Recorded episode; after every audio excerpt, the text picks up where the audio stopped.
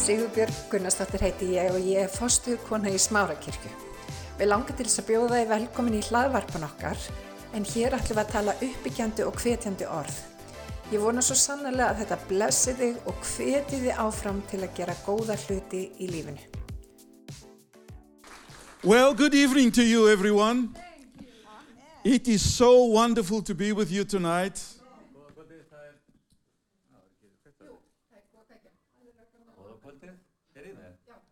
Nice to see you, brother. Good to see you.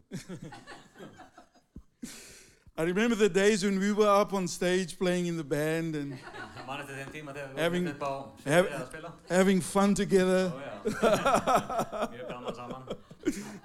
Hallelujah. Well, it's my, it's my joy to be with you tonight to share with you what the Lord has laid on my heart. Það ánægði mín að vera hér í kvöld og deila með ykkur því sem að And um, this word that I have for you tonight is something that the Lord spoke to me about a while ago to share with you. Og þetta orð sem að liggur á hjarta minn í dag er eitthvað sem að And Guður so I, tala wa- til mín I fyrir wa- svona I'm sér. going to get straight into it right now. Þetta fara bara beint í orðið. You know, the last two and a half years has not been easy for any of us. Síðustu 2,5 ár hefur ekki verið öðvöld fyrir neitt okkar. Uh, many of us have, uh, ha- have felt that our, our days, our year has been interrupted.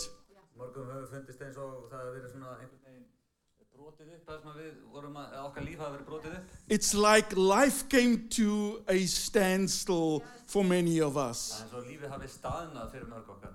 But, be, but besides, besides COVID 19 and all of those, En svona fyrir utan COVID og allt það, you know, many of you here tonight have experienced things that came to you as stumbling blocks in your life. It seemed like when you were busy with something, something happened. You received bad news. The, the doctor gave you a bad report.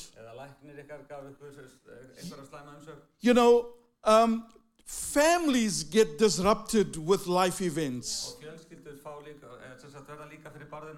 Some are pleasant. Some are not pleasant.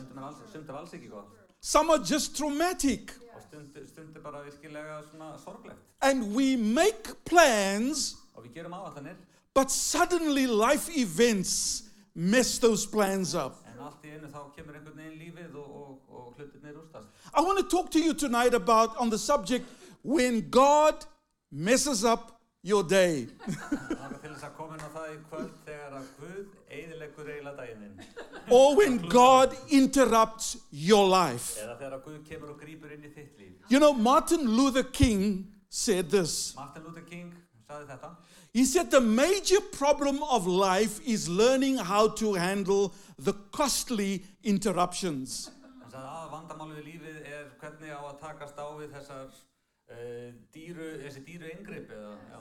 The door that slams shut.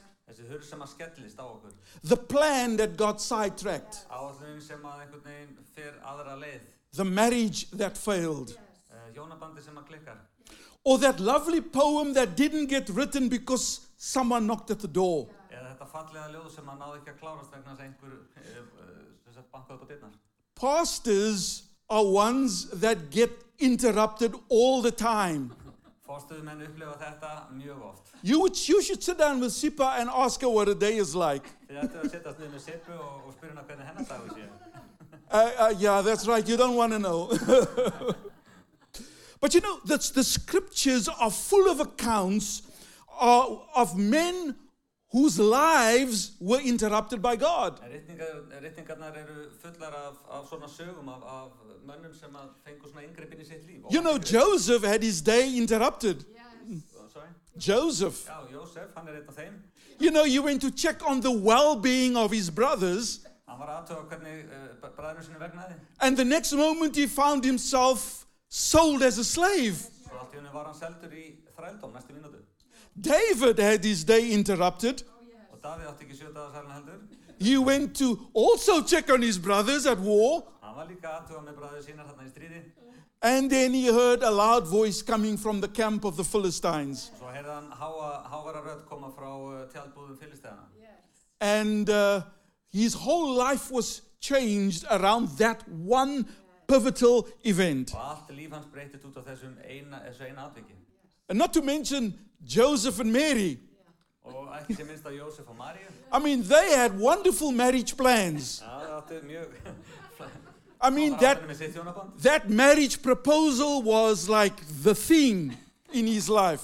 Já, já, þe- þe- þetta hjónaband var... uh, Hvað sem er? Já, bónorðið. I mean, he got on one knee and he proposed and he, he went through all the whole nine yards. And then he discovered that Mary was pregnant and not even by him. Svo komst hann að því að Marja var ólétt en ekki eftir hann. Talk about an interruption. Þetta er svona smá inngrip, myndum maður að segja. What about Saul had his day interrupted? Og hvað með Sál og í hans líf? He was on horseback to kill Christians.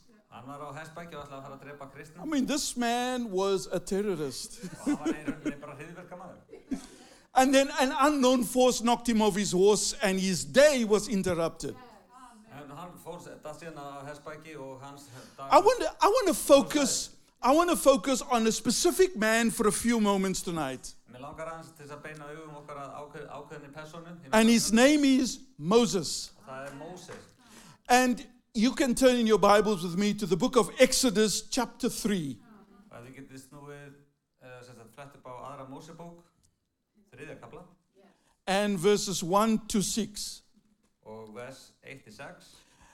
And I'm going to read. Now Moses was tending the flock of Jethro, his father in law, the priest of Midian, and he led the flock to the far side of the wilderness and came to Horeb, the mountain of God. Gerist hjá tengdaföðu sínum presti í Midian, einu sinni fjöð langt inn í eðimörkina og kom að Hóreb, fjalli Guðs.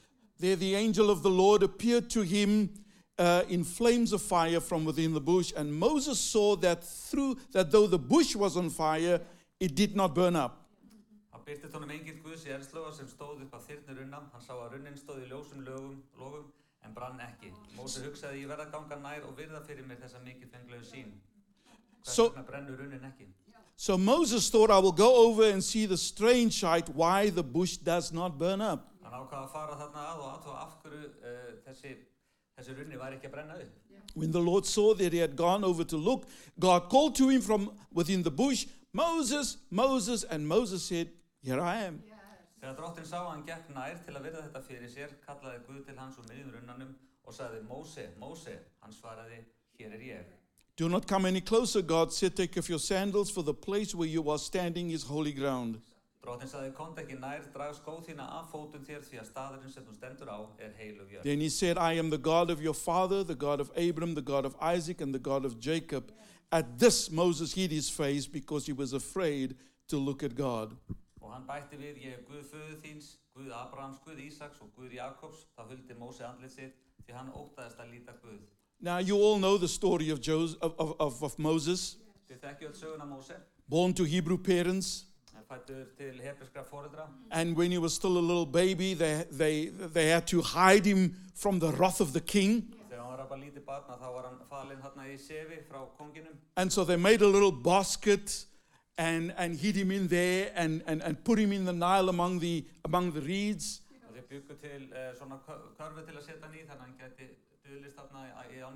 And we know how the king's daughter found him. The king's daughter found him. And she and she and she took him and she raised him as her own. So I want you to understand something about Moses. Moses did not grow up in a Hebrew home. Moses grew up in, a, in an Egyptian home. He was trained in Egyptian culture. Og þannig var hann alinn upp uh, í ekiskri menningu. And because he was the son um, of Pharaoh's daughter, he probably went to the best university in Cairo. Og að því hann var sonur faraðarsdóttur, þá fór hann öruglega í besta háskólan í Kæró. And so by, by the time we get to this story, Moses is not just a little Hebrew boy that knows nothing. Þannig að þegar þarna er komið sögu þá er Móse ekki bara lítið strákur sem veit ekki neitt. Moses is 40 years old Hann er festugur. and he has been well trained. Það er búið að þá þjálfa hann vel, menta hann vel. But he made one mistake in life. En hann gerði einn mistök í lífinu. He saw a, a, a, he- a, a, an Egyptian slave master abusing a slave.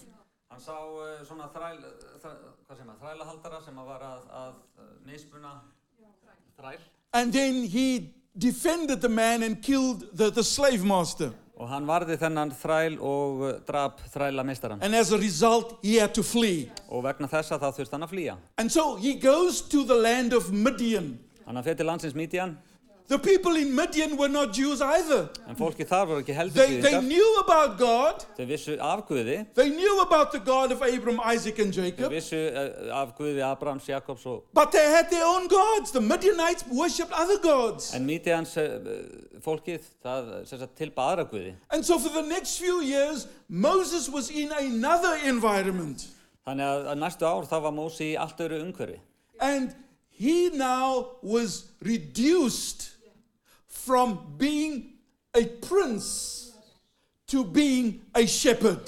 Þannig að hann fór frá því í rauninni að vera prins og í að vera fjárhyrðir. And so one day, on one of his assignments, Og einn daginn þegar hann uh, var að, að, sem sagt, að í sinni rútínu, Moses decided that he was going to take the sheep to a different part of, uh, of the area. þá ákvað hann að myndi taka fjöð í, á annað svæði. And he went to the back part of the desert. Og hann fór þarna lengra fyrir aftan eðimörkina And he saw something that attracted his attention. og hann sá svolítið sem að greip hann. Now, you know, I thought about this for a while and I realized that Moses probably was, was, was, was thinking about how he could best feed the sheep, Líklega hefur Mósi verið að hugsa hvernig hann geti best gefið fjön að borða thinking of way of, of, of, of, of creative ways to get the sheep to the best grazing. fundið einhverja góða leið til þess að koma fjönu á besta staðinn And while he was busying himself with that kind of strategy, og þegar hann var um leið og hann var að hugsa þessa hluti og reyna að skipa God interrupted his day. þá kom Guð og greip inn í daginn hans. God stopped him Hann stoppaði hann and God um, spoke to him. og Guð talaði til hans. And I want to I want to draw four things from this passage. Og það eru svona fjóri hluti sem ég langar til þess að vekja aðteklekar á í, í þessum, uh, í þessum ritningum. You know, we have had our lives interrupted massively. Við, við höfum upplifað það að það hefur verið gripið óvænt inn í líf okkar. Myself and my wife just in the last year. Bæði ég og kona mín síðast ár. You have had your lives interrupted Og þið hefur fengið óvænt inngripin í ykkar in líf various ways. á alls konar hátt. And so, as we sit here tonight, there are some lessons that God wants to share with us. He wants to release something in our midst. Og ef við sitjum hér í kvöld þá er einhverju hluti sem við getum lært af þessu. And the Guð getur kennt first lesson I draw from this is that divine interruptions require a deeper focus. Það fyrsta sem að uh, ég sé í þessu er það að þegar að Guð grípur svona inn í að þá kallar það á meiri fókusi á okkur. Notice what the Bible says. He says, The angel of the Lord appeared to him in flames of fire within the bush. eins og segir í biblíunni að þá kom engill í, í, í eldi þarna inn í, í, í runnanum Now, it appeared as a fire to Moses, but in reality, it was the angel of the Lord. fyrir honum þá var þetta eldur en, en í runninni þá var þetta engill Guðs And this caused Moses to turn aside for a moment, take his eyes off the sheep, and focus þetta, on the bush. þetta gerði það að verkum að Mósi tók augun af fjönu og fór að fókusera á runnan The reason why he focused on the bush was because in that part of Egypt, bushes that were on fire did not last very long. ástæðan fyrir því var það að, þegar að runnar voru al elda á þessu svæði að It þá because- það nú mjög lengi Because it was so dry, bushes were normally consumed in a few seconds. það var svo þurft á þessu svæði að það tók ekki langan tíma fyrir So svona runna að brenna this, upp. this was a very strange sight to him þannig að þetta var mjög skrítin sjón fyrir because Mósi it burnt and it kept on burning and it kept on burning and it bothered him. að því að runnin brann og brann og brann og, And það, then he approached the bush and, and, and, and he paid attention to it. og þá fór hann að runnanum og hann fór að fókusera á The runnan word focus means to pay attention to something. að fókusera á eitthvað er að leiða aðtigli sína að einhverju He saw the fire, he didn't see the angel yet, hann sá eldin, hann sá ekki engilin ennþá But the angel was there. En engillin var einhver God síður was there. Guð var á staðnum. And this is what I want to say to every single one of Og us. þetta er það sem ég langar til þess að segja við okkur öll. When God interrupts your day, He wants you to stop and pay attention. Þegar Guð grýpur inn í daginn þinn, þá langar hann til þess að þú stoppir og It's þú time veitur to hann aðtegli. Og við byrjum að fókusera. Because God wants to show you something you're not seeing. En þegar Guð vil sína þér einhvað sem þú ert ekki að sjá, Sometimes it's something about yourself. stundum er þetta einhvað sem varða þig sjálfan eða sjálfa. Sometimes it's it's something about him. Stundum er þetta einhvað sem að, eh, hefur að gera með hann. And one of the lessons I have learned during this last two and a half years Og eitt af því sem ég hef lært á þessum síðustu tveimur og halva is árum to look at my interruptions differently. er að líta á þessar trublanir eða þessi In yngri á annan fact, hátt. I need to stand still and focus. Ég þarf að standa alveg kjör og fókusera. God wants my attention. Guð vill fá You aðteglina. know, during COVID, many of my I've got a, I've got thousands of friends in the ministry around the world, Á þessu COVID tímabili, ég, ég á svo sem marga vini út um allan heim. and lots of my friends, particularly the ones in America, Margi vini mínir og þá einhverjum í bandaríkjanum. they became frustrated during this time. Þeir eru mjög svona pyrraðir á, á þessu tímabili. Some of them wanted to invoke their constitutional rights just so that they can have services again. Stundum við, sumi vildu, uh, sem sagt, uh, hvað segir maður, fá rétt sinn, réttlæti sinn, já, já, verja stjórnarskrána þannig að við getum haft sínar samkomur. Many of them had to cancel huge conferences. Að margir þurftu að fresta stórum uh, rástefnum. They had to cancel ministry trips. Þetta rástefna alls konar trúbórsferðum And they were angry. og þeir voru reyðir út af þessu. They, they started quoting Bible verses against COVID 19. Þeir fóru að vitna í biblíuveð sem að töluðu að COVID-19. But what they failed to En realize það sem að þeir áttu þessu ekki á, is that God was simply getting their attention. að Guð var einfallega að reyna að ná aðtiklið þeirra. God was requiring a deeper focus. Guð kráðist þess að þeir fókusuruð betur á hann. You may be in the middle of a disruption of your life right now. Það getur vel verið að þú setti miðin á því að það sé búið að grípa svona hranalega fram í þitt líf. And you may be at a place where you do not know what to do. Kanski veistu ekkert hvað að gera þar sem þú ert í dag. And uh, you know, you are angry, you are frustrated, Kanski ertu reyður eða reyð og þú ert pyrruð maybe even bitter. og kannski ertu orðin bitur. God wants you to put down everything and begin to focus Guð on veit að þú Him. leggir allt þetta niður og byrjir að leiða aðtikli þín að honum. Let me ask you a question. After having our lives interrupted for the last two and a half years, does God have our attention yet? Má ég spyrja ykkur einu, eftir alla þessa tröflun síðust ár, er Guð búinn að ná aðtikli okkar? Or is it a matter of, you know, getting back to normal as we normally did in the past? Er þetta spurningin bara um að komast aftur í normið eins og áður fyrr? Proverbs 19 verse 21 says, Orskvöðin 19. kapli og vers 21. Many are the plans in a man's heart, but it is the Lord's purpose that prevails. Mörg er ráðagerð mannshjartans en áform drottin standa. And this is the whole point of a divine interruption. Og þetta er akkurat punkturinn á svona, uh, hérna, á guðlegu yngripi. God disrupts our plans Guð trublar áform okkar because he has a purpose on the other side of a disruption. því hann er með tilgang hinum megin við þessa trublun.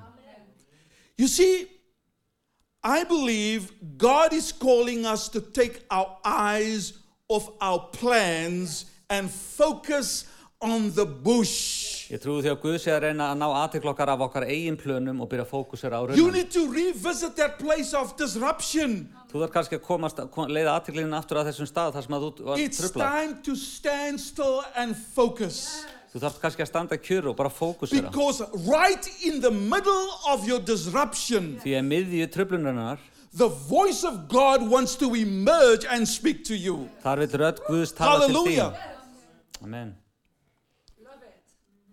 And so interruptions must be seen as moments of visitation. Við þurfum að sjá trublun sem þessar, þessar stundir þar sem að hann er að reyna að ná til okkar. Don't see your interruption as the as God being angry with you. Ekki líta á trublun sem, sem svo að Guð sé reyður við þig. Doesn't matter what you've done, God's not mad at you. Skiptir ekki máli hvað þú gert, Guð er ekki reyður við þig. God just wants your attention, that's all. Hann vil bara fá þína aðtikli. He's simply getting you to a point, a place where He can speak to you directly. Hann er að leiða þig á stað þar sem hann getur talað til þín beint. That's the purpose of divine Og sá er interruptions. tilgangur þessar guðlega yngrips. And I want to say to us as a church tonight, Og mér langar til þess að segja af okkur sem kirkju í dag you know, we are at such an important moment in history að við stöndum á mjög mikilvægum stað í, í mannkinsögun. that we cannot afford to carry on with our own plans Við höfum anymore. ekki efna því að, að halda áfram að, að, að fara bara eftir okkar plönum. And God said to me some time ago, it's not going to be business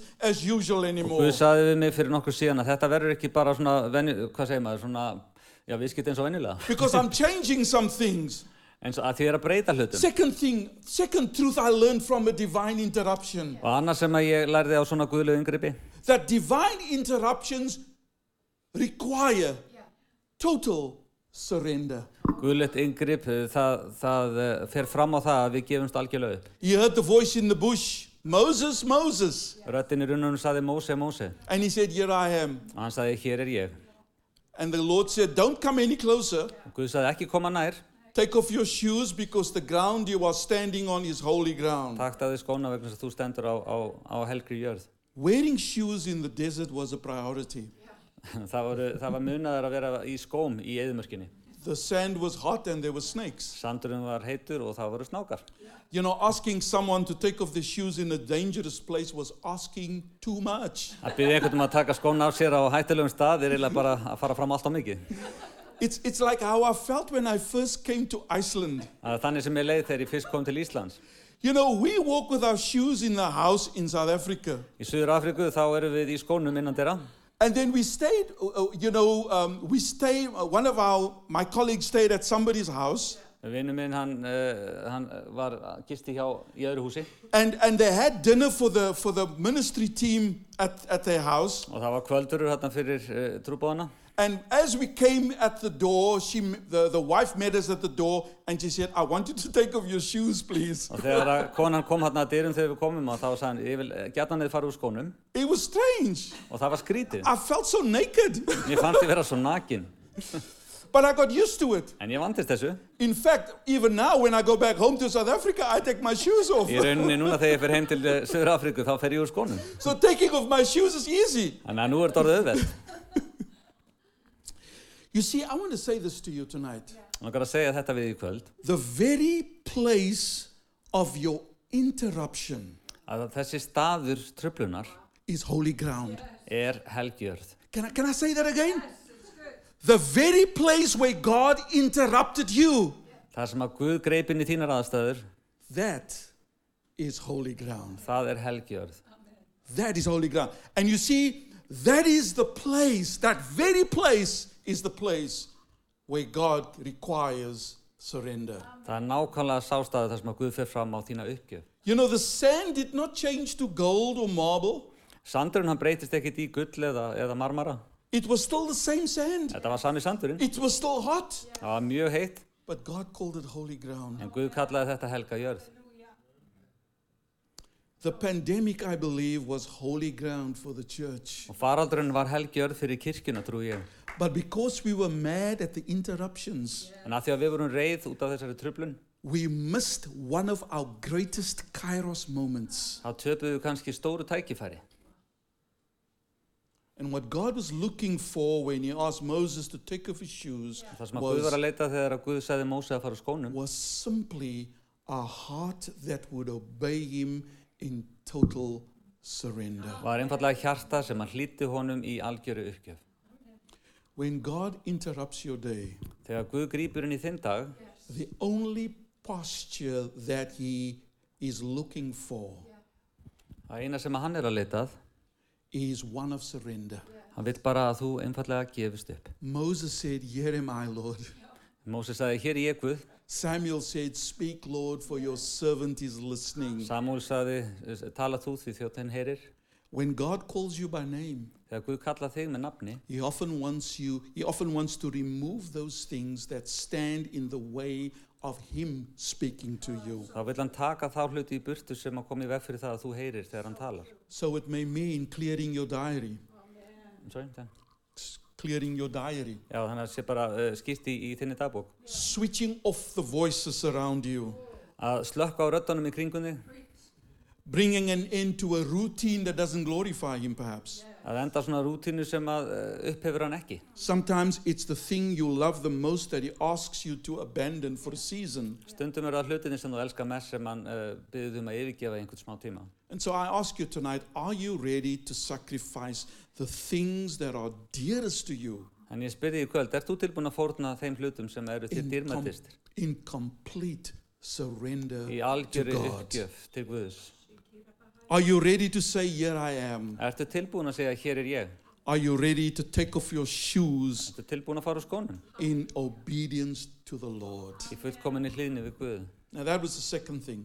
Þetta var annar hlutin. I've got Annar two more to go. Tveir eftir. Third thing about interruptions is this Og þriðja við svona tröflun er þetta. divine interruptions carry the promise of an encounter.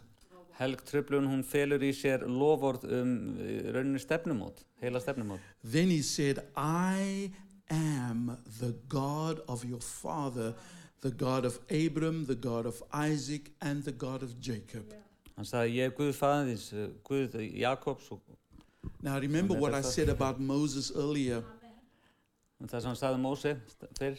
Moses did not grow up as a Jew.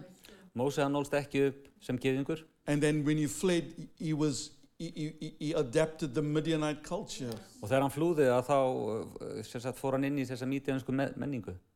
And so the only thing that he knew about God is what he heard the um, the, the Jews talk about. Eina sem að hann vissi um Guð er það sem hann heyrði gyðingarna tala um. Now suddenly at the burning bush, Og allt í þarna við brennandi Moses comes face to face with the God that his father worshipped. og þarna við runnana þá kemst hann auðviti til auðvits við þennan Guð sem að fadir hans tilbað. And then he begins to learn that this is the same God of Abram, Isaac, and Jacob. Og þá læri hann það að þetta er sami Guð, Abraham, Ísaks og Jakobs. He was still the God Almighty, all powerful, Hann var stila almáttuðu Guðs og alvaldur, the God who created the heavens and the þá earth, sem að skapaði himinn og jörð. the God who sovereignly rules the nation. Og Þessi Guð sem að, sem að ræður yfir öllum He ríkjum. suddenly realized that this was the God that everybody was talking about. Allt í hann áttaði sig á því að þetta er sá Guð sem allir voru að tala um. That same God was speaking to him. Þessi sami Guð, hann var að tala við hann. akkúrat It þarna. was a moment of encounter. Þetta var, þetta var, já, þetta var stefnumót sem But að, now here's the best part. þetta var heila stefnumót en, en þetta er það sem For er the best. first time in the history of mankind, Í fyrsta skipti í sögu mannkynsins, God decided to reveal a side of himself to Moses þá ákvað Guð að sína ákveðna hlið á sér til, that til Móse. neither Abraham nor Isaac nor Jacob knew or experienced. sem að enginn af, af hinnum hafi nokkuð sinni séð eða upplifað. You see, they saw God as the created God, the, crea- the God that creates us, Þeir sáu Guð sem þennan Guð sem skapa, sem skapaði okkur. the sovereign God, Þessi alvaldi Guð, the all powerful þessi God. almáttíu Guð. To them, he was out there. Til þeirra þá var hann einhver starf þarna úti.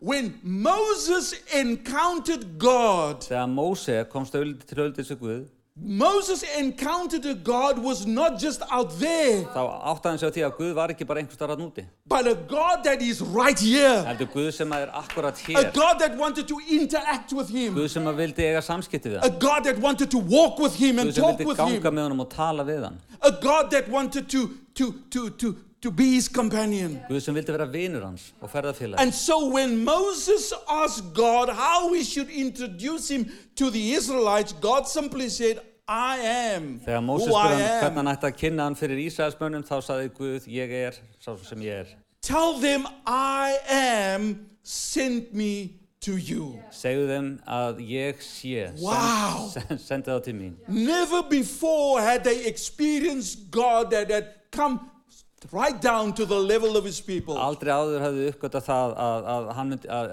sem sagt, Guð sem að myndi koma og vera á sama stað. Now look at verse 7 and 8. Lítum á 7 og 8. The Lord, said, the Lord said, I have indeed seen the misery of my people. I have heard them crying out because of their slave drivers, and I am concerned about their suffering. So I have come down to rescue them from the hand of the Egyptians and to bring them out of that land into a good and spacious land, a land flowing with milk and honey, the land of the Canaanites, Hittites, Amorites, Perizzites, Evites, and Jebusites. Þá sagði drottin, ég hef séð eim þjóða minnar í Egyptalandi og heyrt kvein hennar undan þeim sem þrælka hana. Já, ég þekki þjáningu hennar, ég hef komið niður til að bjarga henn úr greipum Egypta og leiða hana úr þessu landi og upp til land sem er gott og viðlend, til land sem flýtur í mjölk og hunningi, til landsvæðis Kanverja, Hetita, Amorita, Pesestja, Hevita og Jebusita. You did well. I am Ég is er, where the word Yahweh comes from, or Jehovah.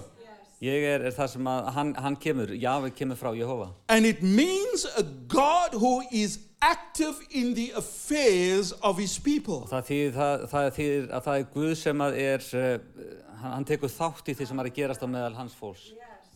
And so I want to just speak to you today. Hann er með langa til þess að segja ykkur svolítið í dag. You see, for, for, for many of us, God was far away. Fyrir mörg okkar að þá er Guð langt í burtu. He was the God that answered other people's prayers. Og hann var Guð sem að svona svaraði bænum annara. You listened to Inga and you listened to Sipa and you Hlustaði á listened to Ingu, Johanna, Sibbu og Jóhannu. but my prayers reached the ceiling. En allar mína bænir þær bara svona dund á þækinu.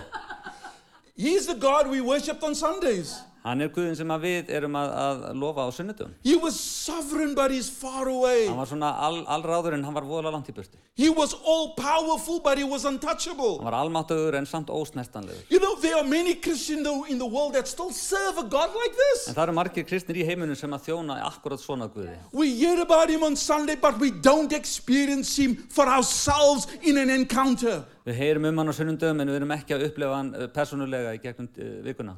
And so I want to say to you today Hann er langar að segja við þig í dag this season of interruption in your life að, að þetta tímabil inngrips í is þínu lífi God drawing you aside er Guð að svona eiginlega kalla þig til hliðar so that you can encounter him. þannig að þú getur mætt honum. God wants you to encounter him and his presence. Guð vil að þú hittir hann og sér í, í, í nánd við hann.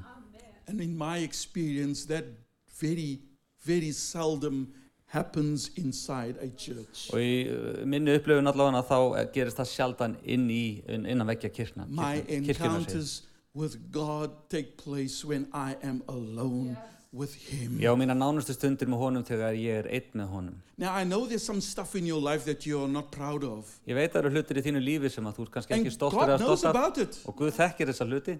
And so there is absolutely no reason why you can come into, why you can't come into his presence and encounter him. Það er engin ástæð fyrir því að þú getur ekki komið í hans nærveru og, og hitt Because hann. you will find very soon that he is a God that doesn't judge you. Því að þú munt sjá það mjög fljótt að hann er ekki Guð sem dæmir þig. You will experience above every other thing his love for you that is just beyond amazing. Þú munt upplifa umfram allt að hann hefur ást til þín sem að er langt umfram allt það sem að þú And þekkir. all you need to do is when you come into his presence, say, God, show me your love. Eina sem þú þarft að gera þegar þú kemur í hans nærveru er Guð, síndu mér Let, ástina. let me experience just how much you love me. Leðu mér að upplega hversu mikið þú elskar mig. And that's the kind of encounter that God wants everyone in this room to have. Og það er svona stefnumót sem að hann vil að öll þið eigi við hann. A brand new encounter with him. Nýja, nýtt stefnumót við hann. That is the reason why he interrupts your day. Og það er þess vegna sem að hann grýpur inn í þinn dag. So that he can draw you aside. Svo hann getur aðeins uh, leitti til hliðar. And so that you can meet him face to face. Þannig að þú getur hitt hann auðvitað til auðvitis. If you've never had that encounter, Og ef þú hefur ekki átt þetta stefnumót við hann, tonight we, we pray that God would give you that encounter. þá byrðum við þess að Guð gefist, gefið þér einmitt svona í dag. My final point I want to make is Og this það er síðasti punkturinn sem ég vil koma með í dag. divine interruptions introduce new assignments. Guðleg tröflun, hún leiðir af sér uh, svona, já, ný verkefni. You see, the, the, the, the final reason for God interrupting your day is because He desires to change the trajectory of your life. Hann grýpur inn í þitt líf til þess að breyta stefnu lífstíns. When Moses walked to the back of the desert Þegar að Mósi gekk hérna aftast í eðimörkina as a shepherd, sem fjárhyrðir looking after sheep, og var að gæta fjársins, he did Yes, yes. not realize þá átti hann sig ekki á því that he would return að hann myndi koma tilbaka not as the shepherd, ekki sem fjárhyrðir but as the deliverer of Israel. heldur sem frelsari Ísrael He went to the desert as a shepherd, but he came back as a deliverer. hann fór inn í eðimerkinu sem fjárhyrðir en kom tilbaka sem frelsari Verse 10 said, says, Now, so now go, I am sending you to Pharaoh to bring my people, the Israelites, out of Egypt. With, this is where? Verse 10. The stem Yeah, I think it's on the board. ok já, farin á stað ég sendi þið til Farós leittu þjóð mína Ísraelsmenn út úr Egyptalandi This interruption came with an introduction. þessi trublun kom í rauninni með kynningu God introduced him to his new mission. Guð kynnt hann fyrir uh, þessari, þessu nýja verkefni There are some things that God wants to introduce into your life that can only take place through an interruption. Það eru sömu hluti sem að uh, Guð vil kynna þig fyrir og hann eina leiðin til þess að gera það er að trubla þig, að trubla lífið. If you look at the characters that are introduced at the, at the beginning, Ef þú lítur á þá sem að fá svona slíka kynningu í byrjun, Joseph, að Jósef til dæmis, Joseph was interrupted a few times. hann, hann fekk svona trublun m- nokkur sinnum, He was not just interrupted by his brothers, ekki bara bræðurum sínum, but there was a crazy woman that interrupted him. og líka brjáluð kona sem að, sem að trublaði hann. David was Og interrupted Davíð, hann var líka trublaður, a few times. nokkur sinnum. You know, if David had to be part of our churches today, they would have excommunicated him. Ef, hann hefði viljað vera hluta okkar kirk í dag, þá hefði löngu, þá hefði reykjað hann út fyrir löngu síðan. Saul was interrupted. Og Sál, hann hlaut líka svona trublun. What about Joseph? Og hvað með Jósef? Joseph in the New Testament. Jósef í Nýja testamentinu. You know, I, I- I know some of, some of the bishops today would have said to Joseph, just leave that woman. Ég þekki sem að biskupa sem myndi bara hafa sagt við hann, heyrðu, bara farðu frá þessari konu. But these men, these men discovered that even though their world was interrupted, En þessir menn komast að því, jafnvel þó að þe- þeirra veröld hafi fengið slíka tröflun, God was ushering them into a brand new plan. var Guð að leiða þá inn í algjörlega nýja áætlun. Because out of this interruption, Því að út frá þessari tröflun, the, their real calling began. þá, þá by- hófst hinn sanna köllun. I want to pray for some of you tonight. I just felt so, um, so moved in my spirit wh- Melancho- while I was sitting there this evening. Mér langar að byggja fyrir sum ykkur í kvöld, ég bara fann það í anda mínum að ég þyrst að gera það. Because there are some of you here tonight that are still stuck at the place of your interruption. Því að sum ykkur eru ennþá först á þeim stað þar sem að tröflunin átti sér stað. You, you, you, you were interrupted by something in the last year and a half. Var gripið inn í ykkar daglega líf en á síðasta einu og hálfa ári og þá er ég ekki að tala um COVID. Ég er að tala um eitthvað annað sem að, sem að uh, sem sagt, greip inn í þitt líf. It may have been bad news. Einhver sem að, einhverja slæma frétti sem að tröfluði lífið þitt. Uh, you know, it, it may have been something that happened to you or something you did. Kannski er einhver sem kom fyrir þig eða einhver sem þú gerðir And today you feel like a failure. og í dag finnst þér þú eiginlega að vera svona hálfgjör mistök. You're wanting to give up. Til langar að gefast upp. You're wanting to throw in the towel and just say, This is it. I'm, I, I I don't want this anymore. Til langar að kasta inn hanglaðin og segja ég vil þetta ekki meir. But God is saying to you, En Guð segir við þig, if you would just spend a moment and revisit that place of your interruption, ef að þú verð smá tíma í það bara að heimsækja aftur þennan stað þar sem að tröflunin átti sér stað, He wants to encounter you. þá vill hann mæta þér þar. And He wants to usher you into a new dimension of glory with Og hann Him. vill leiða þinn í nýja vít dýrðar. God is here tonight, dear friends. Guð er hérna í kvöld. Now, I, I, I, I don't want to know what your interruption was, Ég vil ekki vita hver þín tröflun var, but I want to pray for you en mér langar til þess að byggja fyrir þér. because I believe that God is going to touch you Af and því, cause you to become unstuck. að því að trúi því að Guð vilji uh, mæta þér og uh, leysa þig í raun og rauninni úr En- þessum viðjum. And He's going to cause things to start happening Og hann mun- in your life Og hann mun láta again. nýja hluti byrja að gerast í þínu lífi. And so I want to, I want to just uh, ask you tonight if God spoke, spoke to you Langar til þess að byggja því í kvöld ef að Guð talaði til þín, just for a few moments. bara í, í nokkur andartök. My wife and I would like to just pray with you. þá langar okkur, sett mig og konunum minni að, að byggja fyrir ykkur. That's all we're going to do. We're not going to ask you questions. Það er eina sem við ætlum að gera, við ætlum ekki að spyrja þig einhverja spurninga, We're just going to pray with við ætlum you. bara að byggja með þér. She has a prophetic unction upon her. Hún er með spámanlega gáfu, If God gives her a word, then that's good. ef það er einhvað sem að Guð vil segja But við all we þig gegnum want to hana, do, þá er það gott. we want to break that stronghold of delay in your Það life. eina sem við viljum gera er að, að brjóta niður þessa töf í þínu lífi. That place where you got stuck. Þessi staður þar sem að þú uh, festist á eða, And we want to believe God for, with you og við viljum trúa uh, Guði með þér that from tonight að frá kvöldin í kvöld things will be different. að þá munur hlutir vera öðruvísi. Bow your heads in prayer, please, and close your eyes. Við skulum, Father, we höfða thank byrja. you for your word. hvað við þökkum fyrir þitt orð? Thank you for speaking, Lord. Takk fyrir að tala til okkar. We give you glory Við gefum þér alla dýrð because you are God af því Almighty. að þú ert Guð almáttugur And we, we honor you for your presence here tonight. Og við heiðrum þig fyrir þína nærveri hér í kvöld We thank you that you had spoken to your og people. við þökkum þér fyrir það að þú hefur talað til þíns líðs. And tonight, Lord Jesus, We- I want to pray for someone in this meeting Og í kvöld, Jésús, vil ég spyrja fyrir einhverjum í, í þessum samkominsal.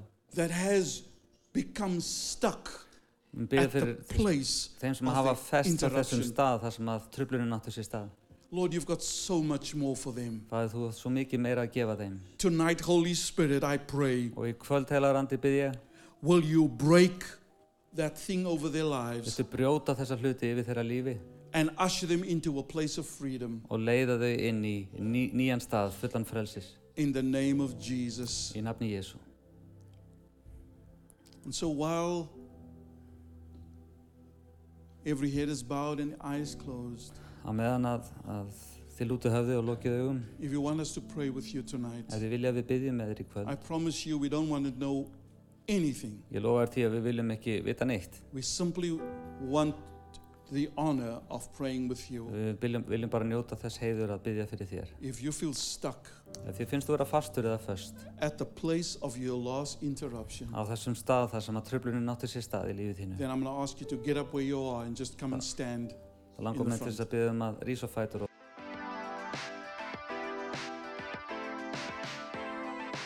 Ég hveti til þess að stilla inn á okkur með reglum hætti því að hér verður alltaf eitthvað nýtt á nálinni. Takk fyrir að hlusta.